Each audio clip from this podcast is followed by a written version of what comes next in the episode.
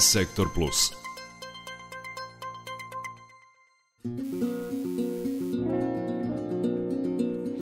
Više od 60% zavisnika od narkotika koji se rehabilituju u terapijskim zajednicama počelo je sa marihuanom. To pokazuje istraživanje nazvano Koja je tvoja prva droga, a o tom istraživanju govorimo u današnjoj rubrici Sektor Plus. Istraživanje su sprovela udruženja Epicenter NS, Prevent, a njime je obuhvaćeno 60 štićenika novosadskih rehabilitacionih centara, Duga, Zemlja živih i Reto centra iz Beograda. Beograda.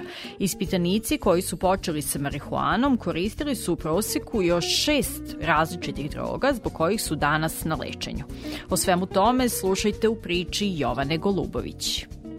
Sprovodeći programe prevencije u osnovnim i srednjim školama, autori istraživanja primetili su da mladi umanjuju posledice koje može da izazove upotreba marihuane. Najčešći argument u korist toga da marihuana nije štetna bio je da ona ne izaziva fizičku zavisnost, navodi Aleksandar Janić Jana iz udruženja Epicentar NS i ističe da ih je upravo to porstaklo da urade istraživanje koje je dokazalo da marihuana ipak može izazvati ozbiljne probleme. Ljudi koji su u problemu su započeli s nečim što ne predstavlja problem u njihovim očima. Mi smo tu da kažemo da je ipak problem koliko god se minimalizovale posledice koje marihuana izaziva. Ok, možda ne izaziva fizičku zavisnost, ali ljudi koji su završili u terapijskim zajednicama, velika većina je krenula sa marihuanom. Samo opasnost predstavlja što je obično prvi stepenik kada se tako nešto dešava. Dakle, posledice su ogromne. Direktne posledice mogu biti razne psihoze, a indirektne nastavak ka nečim što izaziva mnogo veću zavisnost. Mi ne verujemo u laku i tešku drogu, ali verujemo u početnu. Kao bivši zavisnik i neko ko 13 godina radi u terapijskim zajednicama, Janić objašnjava da veliki broj ljudi počinje igrom sa marihuanom, ne razmišljajući o posledicama.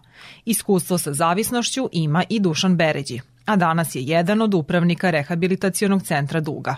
Na ulici često smo bili okruženi mlađim momcima koji su želi da budu opasni i tako dalje i često bi sa nama prvi put zapalili joint, a naš način nagovora tih mladića oko nas je bio, evo šta kaže, nauka ne izaziva zavisnost, ne izaziva fizičku zavisnost, nije to opasno, ne boj se, nemoj biti kukavice i tako dalje.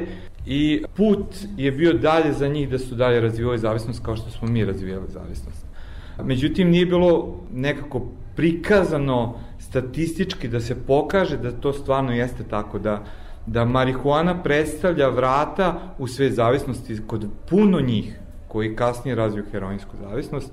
Iako je istraživanjem obuhvaćeno 60 ljudi, decenijsko iskustvo rada sa više stotina zavisnika pokazuje isto, ističe Bereći. Puno nas koji smo došli iz sveta zavisnosti, koji su ostali u svetu zavisnosti ili se trenutno bori, marihuana je bila ulaz na vratu, tu senzaciju kad te psihoaktivna substanca, kako mi kažemo, uradi i onda kreće istraživanje dalje, jer marihuana vremenom izgubi, znači za, za većinu zavisnika ona nije više nešto što ti daje dovoljnu senzaciju, onda tražiš dalje, dalje, dalje, dalje i time zatvaraš vrat. Bitno je da se kaže, neće kod svih izazvati teže zavisnosti, ali kod onih kod kojih hoće, biće verovatno ulaz na vratu u taj svet. 85% učesnika istraživanja su muškarci, a jedan od razloga što su muškarci u istraživanju zastupljeni značajno više je, napominju autori, to što određene terapijske zajednice više nemaju objekte za žene. Aleksandar Janić kaže da u svetu narkomanije inače ima manje žena nego muškaraca. Devojaka ima manje, ali su radikalnije. Pre počinju teže izlaze. Moram napomenuti da obično razlozi za prekid sa bolestima zavisnosti obično kada iscrpiš sve svoje mogućnosti, prodaš sve, e, zatvorio si vrata svuda i to je jako dobra polazna tačka.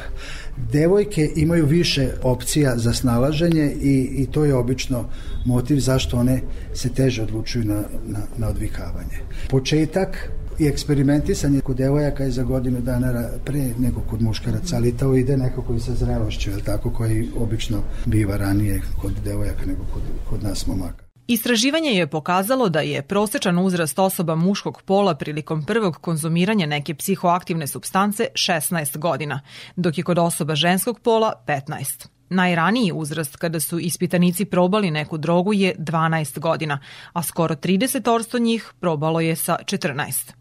To nas opominje da programi prevencije moraju početi u osnovnoj školi, upozoravaju autori. Jedan od njih, Nebojša Đurasović iz Udruženja Prevent, kaže da je najmlađi učesnik istraživanja 16-godišnjeg, a najstarija 52-godišnja žena. Zanimljivo je takođe da skoro polovina ispitanika, znači 47% se nalaze u uzrasnoj grupi od 41 do 50 godina. Šta nam to govori? Govori da populacija ljudi koji koriste psihoaktivne substance stariji i da se susreću sa problemima izdržavanja, penzije, samačkog života i da su im potrebni programi koji su usmereni na ove njihove probleme. I to je nešto što našu državu definitivno čeka u budućnosti, jer su to neke generacije koje su počinjale znači, pre 30 i više godina sa konzumacijom. Đurasović dodaje da je od trenutka kada su štićenici rehabilitacionih centara prvi put probali drogu do onoga kada su anketirani prošlo u proseku 22 godine. To je jedan podatak koji nam govori o tome da je potrebno ljude motivisati da se obrate za pomoć ranije, na adekvatan način, da brinu o svom zdravlju i da ne prođe toliko godina do njihovog tretmana. To ne znači da se on među vremenu nije obraćao za lečenje, da umeđu vremenu nije i ranije bio u terapijskim zajednicama, ali govori nam o jednom trajanju problema kod ovih ljudi od 22 godine. To je nečiji jedan radni staž. Ispitanici kojima marihuana nije bila prva droga počinjali su sa lepkom, zatim sa anksioliticima poput bensedina ili ksalola, sa kokainom, trodonom te amfetaminom, to jest spidom, ali i heroinom, kaže Đurasović. Ima određeni procenat ljudi koji su počeli i sa heroinom, ali je dosta mali, 5%.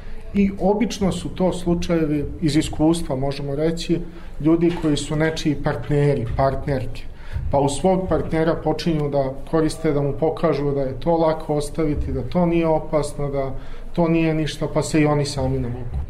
Samo oni kojima je kokain bio prva substanca kasnije nisu konzumirali druge, a njih je među učesnicima istraživanja 7%. Navodi Đurasović i dodaje da je reč o ljudima koji su kokain počeli da koriste u 30. godinama i za pomoć su se javljali pre ostalih.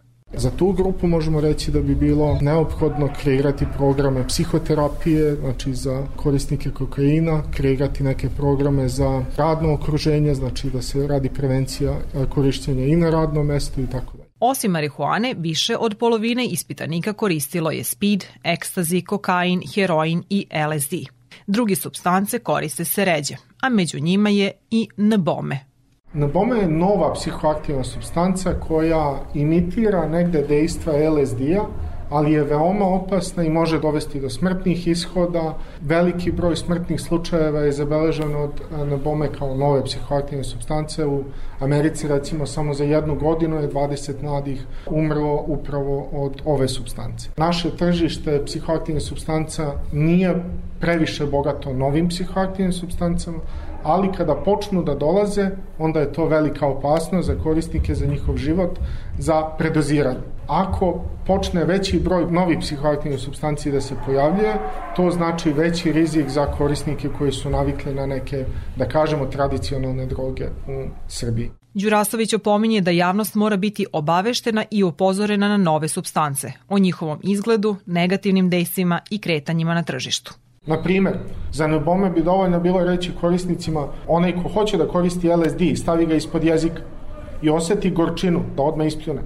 Substanca izgleda isto kao LSD, ali ima sasvim drugačije dejstvo, sastav i sve ostalo i kada osti gorak ukus, reči o nebome i bolje da ga ispljune nego da rizikuje sa njim. Više od 60% učesnika istraživanja odgovorilo je da najveću zavisnost izaziva heroin, dok 8% njih smatra da je to marihuana, a isti broj kaže da je to kokain.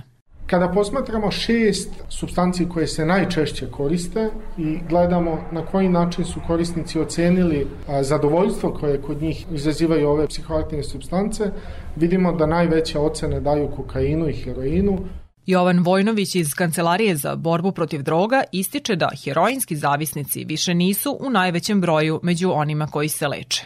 Sad imamo, da kažemo, novi neki trend, već pojavljivanje ovisnika, to je zavisnika od hemijskih substanci tipa kao što su tablete, amfetamini, MDMA i da kažem te neke hemijske droge, brze droge, a i porast da kažem lečenja od kocke. U terapijskim zajednicama otprilike je jednak broj ljudi iz siromašnih i bogatih porodica, kao i iz onih sa srednjim imovinskim statusom, kažu autori istraživanja.